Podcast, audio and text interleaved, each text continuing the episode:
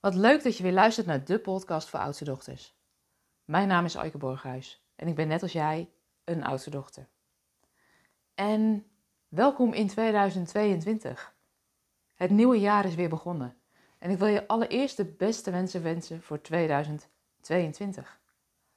Ik wens je een jaar toe vol gezondheid, vol liefde, vol vrijheid, vol avontuur, vol creativiteit en alles wat jij in 2022 wil beleven en meemaken.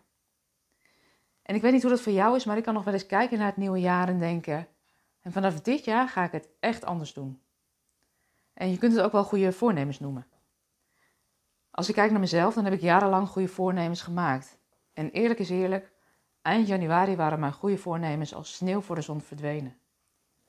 Goede voornemens werken namelijk niet voor mij. En voor veel andere mensen ook niet. Voornemens zijn namelijk niet zo krachtig. Want er zit vaak een voorbehoud in. Misschien, later, ooit. Om het dan vervolgens voor je uit te blijven schuiven. Wat ik ook ontdekt is dat veel goede voornemens vaak gaan over gedrag. En minder over wat het je oplevert als je een andere keus maakt. En stel je nou eens even voor dat je jezelf hebt voorgenomen dat je in dit jaar echt 5 kilo wil afvallen. Wat je dan vaak doet is je richten op het kwijtraken van dat gewicht. Kijken of die cijfertjes op de weegschaal naar beneden tikken. Maar gaat het eigenlijk wel om die 5 kilo? Want wat is nou eigenlijk dat verlangen wat eronder ligt dat je jezelf voorneemt om die 5 kilo kwijt te raken? Waarschijnlijk is dat verlangen dat je je energieker wil voelen. En wat is er fijner om aan te werken? Neem het maar eens waar in je lijf. 5 kilo afvallen of je energieker voelen? 5 kilo afvallen is een doel. En je energieker voelen is de bedoeling. Dat is waarom je doet wat je doet. Als je iets echt anders wil, dan hoef je gelukkig niet te wachten tot het nieuwe jaar, maar kun je iedere dag een besluit nemen. Je kunt een keus maken om iets los te laten of juist iets toe te voegen aan je leven. En het is vaak ook de vraag, en check hem maar eens bij jezelf: beweeg je ergens van weg of beweeg je juist ergens naartoe? Als je ergens van weg beweegt, dan is dit vaak niet het meest krachtige besluit. Het is dan namelijk een keuze die je vaak maakt vanuit pijn. En het kost dan vaak veel wilskracht en doorzettingsvermogen om je doel te bereiken. Tegelijkertijd is ergens van weg willen zonder het onderliggende patroon aan te pakken, vragen om problemen. Je neemt het patroon namelijk met je mee, ook al is de context anders. Het is veel krachtiger om eerst te onderzoeken waar het patroon vandaan komt en wat het je tot nu toe heeft opgeleverd. Want ooit was dat patroon wat je nu nog met je meedraagt wel helpend. Vaak was het een overleefstrategie die je in die tijd en in die periode van je leven heeft geholpen.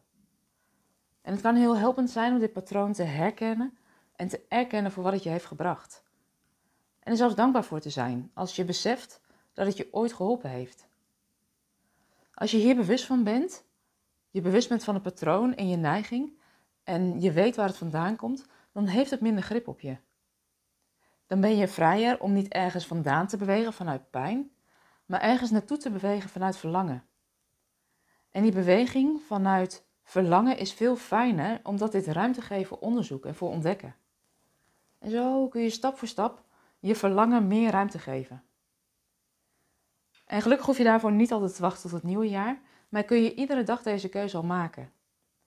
Dus mocht je goede voornemens hebben gemaakt voor 2022, dan wil ik je uitnodigen om het geen verlangens te laten zijn, dus niet iets wat je steeds voor je uitschuift, maar dat je een besluit neemt. En dat je een besluit neemt in lijn met je verlangen, in lijn met de bedoeling. En het niet zo zwart-wit ziet als dat ene doel wat je wil bereiken.